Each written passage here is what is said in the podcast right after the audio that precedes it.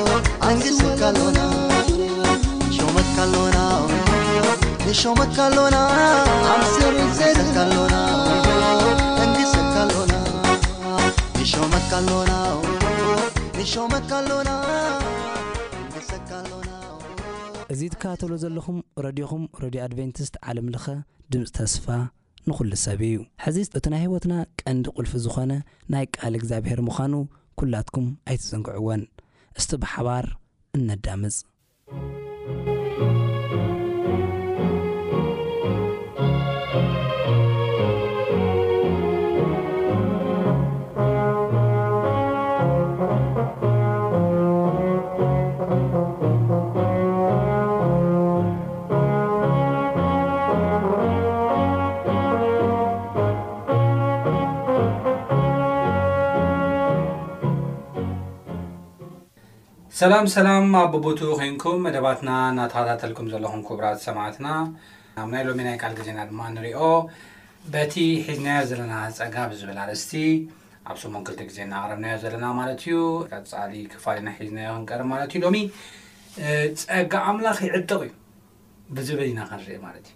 ጸጋ ኣምላኽ ዕጥቂ ሙሉእ ብሙሉእ ክንዕጠቕ ይገብር እዩ ዝብል ኣርእስቲ ኢና ክንርኢ ማለት እዩ። ክሳብ ፍጻሜ መደብና ምሳና ክትጸንሑ ብኽብሪ እናዓደምኩ ቅድሚ ኩሉ እግዚኣብሄር ምእንቲ ከምህረናን ከመርሓናን ሕጽር ዝበለ ጸሎት ክንጽሊ ኢና። ኦ ጎይታ ስለዚ ግዜን ሰዓትን ነመስግነካ ኣሎና ሕጂ ድማ ቃልካ ከፊትና ኣለና እሞ ቃልካ ከነጽንዕ ከለና ንስኻ ክትመርሓናን ከተምህረናን ክትነግረናን ንልምነካ ኣለና ዝተረፈ ግዜናን ሰዓትናን ባርኮ ሰላምካ ኣብዝሓልና ብጎይታና መድሓና የሱስ ክርስቶስ ስም ኣሜን ኣብ ዮሃንስ ወንጌል ምዕራፍ 17 ፍቕዲ 15 ከምዚ ዝብል ቃል ንረክብ ዮሃንስ ወንጌል ምዕራፍ ዓሰርተ ሸውዓተ ፍቕዲ ዓሰርተ ሓሙሽተ ካብቲ ክፉእ ክትሕልዎም እምበር ካብ ዓለም ከተውፅኦም ኣይኮንኩን ዝልምን ዘለኹ ይለና ዮሃንስ ወንጌል ምዕራፍ ዓሰርተ ሸውዓተ ከይና ንሪእሉ እዋን ጠቕላላ ብዛዕባ ናይ የሱስ ክርስቶስ ጸሎት እዩ ስለቶም ደቀ መዛሙርቱ ስለቶም ሃዋርያት ዝጸለዮ ጸሎት እዩ ምክንያቱ የሱስ ክርስቶስ ድሕሪ ቁሩብ ግዜ ተልእኹ ወዲኡ ዝዓርገሉ ግዜ እናበጽሐ ስለ ዝነበረ፣ በዚ መልክዕ እዚ ክጽልየሎምን እንደገና ድማ ስለኦም ኣብ ቅድሚ ኣምላኽ ክቖመሎምን ግድን ስለ ዝነበረ፣ ግዜኡ ኣብ ዝበጽሓሉ እዋን ከም ዝቖመ ኢና ንርኢ። ስለዚ ኣብቲ ጸሎቱ ግን ዋና መልእኽቲ ገይሩ ዘቐመጦ ነገር ተሃለወ፣ ቅድም ኢለ ኣብቲ ዘንበብክዎ ሓሳብ፣ ካብቲ ክፉእ ክትሕልዎም እምበር ካብ ዓለም ከተውጽኦም ኣይኮንኩን ዝልምን ዘለኹ ዝብል ሓሳብ እዩ። እቲ ዋና ናይቲ ጸሎት ኴንና ንርእየሉ እዋን ማለት እዩ። እዚ እንታይ ማለት እዩ ክንብል ከለና፣ ኢየሱስ ክርስቶስ ኣብ ዮሃንስ ወንጌል ምዕራፍ ዓሰርተ ኣርባዕተ እንሆ ልብኹም ኣይሸበር፣ ልብኹም እውን ኣይደንግጽ ኣይሰንብድን፣ ናብ ኣቦይ ይኸይድ ኣለኹ፣ ኣብ ቤት ኣቦይ ብዙሕ ማሕደር ኣሎ፣ እንተዘይህሉስ ምነገርኩኹም ነይረ፣ ስፍራ ኸዳልወልኩም እኸይድ ኣለኹ። ስፍራ ምስ ኣዳለኹልኩ፣ ኣብቲ ኣነ ዘለኹዎ ንስኻትኩም ምእንቲ ኽልከሉ ተመሊሰ ኽመጽእ እየ፣ ካብኦም ክወስደኩም እየ ኢሉ ተስፋ ሂቡ ነይሩ እዩ። ኣብ ዮሃንስ ወንጌል ምዕራፍ ዓሰርተ ሸውዓተ ግን ሕጂ ኣብዚ ዓለም ከለዉ ምእንቲ ክትሕልዎም እምበር ካብዚ ዓለም ከተውጽኦም ኣይልምንን እየ ኢሉ ከም ተዛረበ ኢና ንርኢ። ንምንታይ እዩ የሱስ ክርስቶስ ኣብ ሰማይ ስፍራ ኣዳልዩልና ከሎ ኣብ ሰማይ ብዙሕ ማሕደር ከሎ ንምንታይ እዩ ኣብዚ ክንጸንሕ ፍቓዱ ዝኾነ? ዝብል ሓሳብ መልሱ ተልእኾ ስለ ዘሎ እዩ። ካብ ኣምላኽ ዝተዋህበ፣ ካብ ክርስቶስ ባዕሉ ዝተዋህበ ተልእኾ ስለ ዘሎ እዩ። እዚ ተልእኾ እዚ ኣብ ማርቆስ ምዕራፍ ዓሰርተ ሽዱሽተ ፍቕዲ ዓሰርተ ሓሙሽተ ከምኡውን ኣብ ማቴዎስ ምዕራፍ ዕስራን ሸሞንተን ፍቕዲ ዓሰርተ ትሽዓተ ክሳብ ዒስራ ዘሎ ሓሳብ እዩ እስኪ ማርቆስ ምዕራፍ ዓሰርተ ሽዱሽተ ፍቅዲ ዓሰርተ ሓሙሽተ ዘሎ ነንብቦ። በሎም ድማ ናብ ኩላ ዓለም ኪዱ ንብዘሎ ፍጥረት ከኣ ወንጌል ስበኹሉ ናብ ኩላ ዓለም ኪዱ ንብዘሎ ፍጥረት ከኣ ወንጌል ስበኹሉ ኢሉ ዝሃቦም ተልእኾ ኣሎ እዩ ማለት እዩ ሕጂ ብናይ ሰብ ኣረዳድሃ እዚ ተልእኾ እዚ ክፍጸም ኣይክእልን እዩ ብናይ ሰብ ሓይሊ፣ ብናይ ሰብ ዓቕሚ፣ ብናይ ሰብ ባህሪ እዚ ወንጌል እዚ ተልእኾ ክመሓላለፍ ኣይክእልን እዩ። እንታይ የድልዮ እዩ? ሰማያዊ ሓገዝ፣ ናይ መንፈስ ቅዱስ ሓገዝ፣ ረድኤት፣ ህያብ መንፈስ ቅዱስ የድልዩ። እዚ ኩሉ ነገር የድልዩ። ዕጥቅታት ሰማያዊ ነገር የድልዩ እሞ እዚ ዕጥቂ እዚ መን እዩ ዝዕጠቐና እንታይ ኢኸ ዝዕጠቐና ዝብል ኢና ሎሚ ብምሉእ ሓሳቡ ኣይውዳእን እዩ፣ ግን ዝተወሰነ ሓሳብ ንምቕማጥ ዝኣክል እዩ። እዚ ሒዙ ጳውሎስ ኣብ ካልኣይ ቆሮንቶስ ምዕራፍ ሓሙሽተ ፍቕዲ ዒስራ እንታይ ኢሉ ነይሩ እዩ? እዛ ተልእኾ ናይ የሱስ ክርስቶስ ዝበላ ተልእኾ ሒዙ ንሰብ ቆሮንቶስ ክጽሕፈሎም ከሎ እንታይ ኢሉ ነይሩ? ስለዚ ንሕና ኣብ ክንዲ ክርስቶስ ልኡኻት ኢና ይብል። ብደንቢ ዝተረድኦ ሰብ እዩ እዚ ንምንታይ ኣብ ዓለም ከም ዘሎ ንምንታይ ኣብ ዓለም ከም ዝጸንሐ ዝተረድኦ ሰብ እዩ። ስለዚ ንሕና ኣብ ክንዲ ክርስቶስ ልኡኻት ኢና እሞ ኣምላኽ ብኣና ገይሩ ይምዕድ ኣሎ። ንሕና ብእኡ ጽድቂ ኣምላኽ ምእንቲ ክንከውን ነቲ ሓጢኣት ዘይፈለጠ ኣብ ክንዳና ሓጢኣት ገበሮ።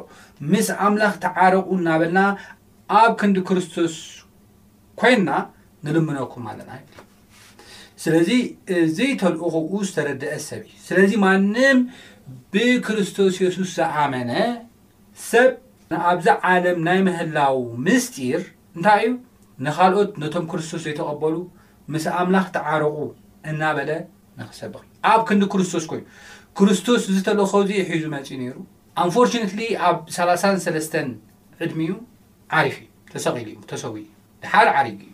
እዚ ተልእኾ እዚ ግን ቀጻልነት ምእንቲ ክህልዎ ንወለዶታት ድማ ክበጽሕ ግን እዚ ተልእኾ እዚ ንመን ሂብዎ እዚ ሓደራ ኣብ ክንዳይ ኮንኩም ንስኹም ውን ስበኹ ኢሉ ንደቀ መዛሙርቱ ነቶም ሰዓብቱ ከም ዝሃቦም ኢና ንርኢ። ስለዚ እዞም ናይ ክርስቶስ ሰዓብቲ ኣብ ክንዲ ክርስቶስ ኮይኖም ንሰባት ንዑ ምስ ኣምላኽ ተዓረቑ ኢሎም ንኽሰብኩን ንኽዛረቡን እዮም ኣብዛ ዓለም ዘለዉ ዝብል ሓሳብ ዋናነት ክስመረሉ ዘለዎ ክንርድኦ ዝግብኣና እዩ። ስለዚ ከምቲ ቅድም ኢለ ዝበልክዎ እዚ ብኣና እኳ ብናይ ሰብ ጥበብ ዝከኣል እኳ እንተዘይኮነ ምኽንያቱ ሰባት ቅድም ኢልና ኣብ ዝሓለፈ ናይ ቃል ግዜና ርኢናዮ ኢና ፍቕርን እምነትን ይህብ እዩ ጸጋ ኣምላኽ ዝብል ርኢና ኔርና ኣብ ዝሓለፈ እዋን ፍቕርን እምነትን ንምንታይ እዩ ዝህብ ክንብል ከለና ከኣ ንሕና ብሓጢኣት ምኽንያት ባዶ ጌርና እዩ ፍቕሪ ኣምላኽ ክንስእን ጌርና እዩ እምነትና ባዶ ንክኸውን ገይርዎ እዩ። ስለዚ ብክርስቶስ የሱስ ግን ናይ ምሕዳስ ዘመን፣ ናይ ምሕረት ዘመን ኣምጺኡ ፍቕርን እምነትን ድማ ነቶም ዝስዕብዎ ከም ዝህብ ቃል ከም ዝኣተወ ኢና ንርኢ ማለት እዩ፣ ኣብ ዝሓለፈ ዝረኣናዮ ማለት እዩ። ስለዚ በዚ ዓይነት ልብና፣ በዚ ሓጢኣተኛ ማንነትና እዚ ወንጌል እዚ፣ እዚ ተልእኾ እዚ ክንገብር ንኽእል ዶ ንዝብል ሓሳብ ኣይንኸድን ኢና እዩ።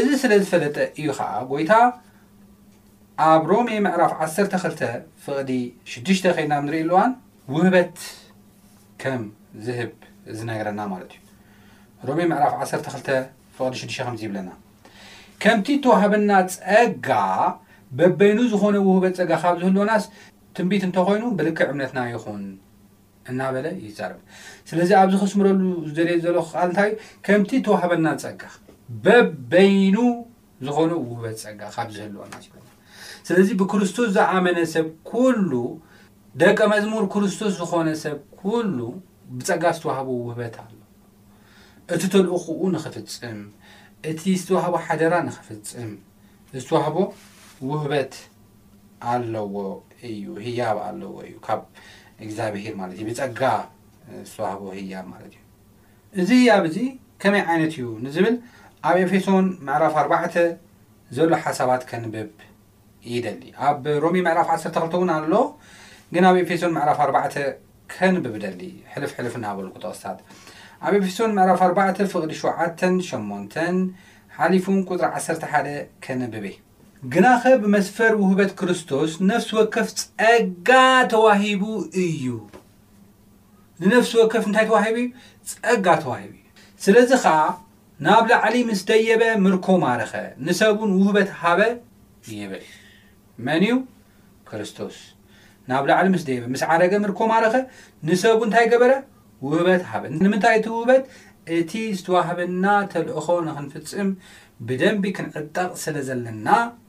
ትውህበት ከም ዝሃበና ኢና ንርኢ። ቁጽሪ ዓሰርተ ሓደ ኩላትና ናብ ሕብረት እምነት፣ ናብ ፍልጠት ወዲ ኣምላኽ፣ ናብ እኹል ሰብኣይ፣ ናብ ልክዕ ምልኣት በጺሕና ክርስቶስ ክሳዕ እንበጽሕ፣ እቶም ቅዱሳን ነቲ ግብሪ ኣገልግሎት ንምህናጽ ስጋ ክርስቶስ ምሉኣት ምእንቲ ክኾኑ ኢሉ፣ ንሱ ገሊኦም ሃዋርያት፣ ገሊኦም ድማ ነብያት፣ ገሊኦም ከኣ ወንጌላውያን፣ ገሊኦም ጓሶትን መምሃራንን ክኾኑ ሃበ ይብለና። ሃበ። መሃራንን ጋሶትን ነቢያትን ሃዋርያትን ክኾኑ ሃበ ንመን ሃበ ንቤተ ክርስቲያን ሃበ ካብ ዝተላዕለ በቲ ተዋህቦም ድማ ሰባት ከገልግሉ ከም ዝገበረ እዩ መፅሓፍ ቅዱስ ዝዛረበና ማለት እዩ እምበር ኣብዚ ጥቕሲ እዚ ልቢ ክንብሎ ዘለና ሓሳባት ኣሎ ሰለስተ ሓሳባት ኣሎ ቀዳማይ ሓሳብ እንታይ እዩ ሕጂ እውን ደጊመ ደጋጊመ ዝብሎ ዘለኹ ኣብዚ ምድር ንነብር ዘለና ንምንታይ እዩ ንኸነገልግል እዩ ንኻልኦት ክርስቶስ ዘይፈለጡ ምስ እግዚኣብሔር ዘይተዓረቑ ሰባት ምስ እግዚኣብሔር ተዓረቑ ኢልና ንኽንዛረብ እዩ ኣብ ክንዲ ክርስቶስ ስለዚ እዚ ንኽንገብር ግን ሙሉ ዕጥቂ ንረክብ ካብ ምንታይ እዩ ካብቲ ጸጋ ኣምላኽ እዩ ካብ እግዚኣብሔር ባዕሉ እዩ ብጸግኡ ዝበና ስለዚ እዚ ክንፈልጥ ኣለና ብጸግኡ እግዚኣብሔር ብክርስቶስ የሱስ ገይሩ ከም ዝህበና ብዘይ እዚ ኣብ ኣገልግሎትና ኮነ ኣብ ዕዮና ዕውታት ክንከውን ከም ዘይንኽእል ክንርዳእ ክንክእል ኣለና። እዚ እቲ ቀዳማይ ሓሳብ እዩ። እዚ ውህብቶ እዚ ከምቲ ቅድም ኢልና ዝበልናዮ ብዛዕባ ጸጋ እውን ክንዛረብ ከለና ዝበልናዮ ንሕና ስለ ዝግብኣና ኣገልገልትን መምሃራትን ሃዋርያትን ጓሶትን ክንከውን ስለ ዝግብኣና ኣይኮነን ዝህበና ካብ ጸግኡ ዝተላዕለ እዩ። ጸጋ ማለት ንሕና ዘይግብኣና ክነሱ ካብ እግዚኣብሄር ዝወሃበና ወይ ድማ ዝብርከተልና ውህበት እዩ።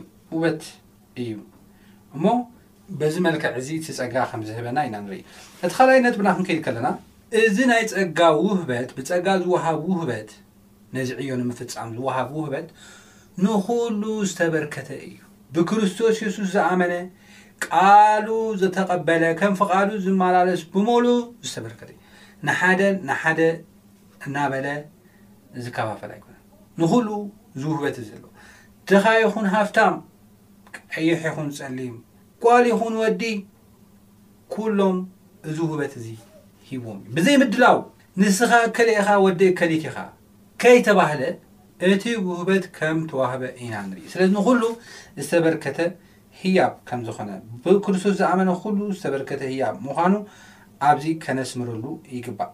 ስለዚ እዚ ክብርከት ከሎ ከኣ ካብቲ ናይ ኣገልግሎት በቃ ነቲ ኣገልግሎት ፊት እዩ ዝኹን ገጣሚ እዩ ዝኹን ብቑዕ እዩ ዝገብሮ እቲ ጸጋ እዚ ዝወሃብ ጸጋ ማለት እዩ ብቑዕ እዩ ዝገብሮ እንታይ ዳይና ክንገብር ዘለና ማለት እዩ ነቲ ዝተዋህበና ጸጋ ኣጉሊሕና ከነውፅኦ ክንጥቀመሉ እዩ ዝግባኣና ክንተግህ እዩ ዝግባኣና ኣብ ዕዮ ጎይታ ብመዝሙር ተኮይኑ ብመዝሙር ክንተግህ እዩ ዝግባኣና ብምስባክ ተኮይኑ ብምስባክ ክንተግህ እዩ ዝግባኣና ብምምሃር ተኮይኑ ንካልኦት ብምምሃር ንካልኦት ናብ ክርሱስ ምቕራብ ኢና ክንሰርሕ ዝግባኣና ማለት እዩ ስለዚ ክንተግህ ዘለና ትሕቶ እምበር እቲ ጸጋ ትሕቲ ሰብ ክንከውን ኣይገብረናን እዩ ብቑዓትን ገጠምትን ክንከውን ከም ዝገብረና እዩ ዝነግረና ማለት እዩ ስለዚ እዚ ኢለ ናብ ሳልሳይ ነጥበይ ክኸይድ እቲ ውበት ጸጋ ኣምላኽ ንኹሉ ዝተበርከተ እኳ ተኾነ ኩሉ ግን ሓደ ዓይነት ኣይኮነን ከምዚ ኣብ ኤፌሶን ምዕራፍ ኣርባዕተ ፍቕዲ ዓሰርተ ሓደ ክሳብ ዓሰርተ ሰለስተ ዘንበብክዎ እዚ ውህበት ጸጋ ኣምላኽ ንዝተፈላለዩ ሰባት ዝተፈላለየ ዓይነት ህያብ እዩ ዝወሃቦም። ከምቲ ናቶም ድሌት፣ ከምቲ ናይ እግዚኣብሄር ፍቓድ በዚ የገልግል ኢሉ ባዕሉ ከም ዝፈቐደን ከም ዝፈተወን ገይሩ እዩ ዝህብ። መን እዩ ዝህብ? መንፈስ ቅዱስ ባዕሉ እዩ እቲ ወሃቢ። ስለዚ ንኹሉ ዝወሃብ ባዕሉ እቲ ወሃቢ ከኣ ከም ደስ ዝበሎ ዘከፋፍል እዩ። ስለዚ ሓደ ዓይነት ኣይኮነን።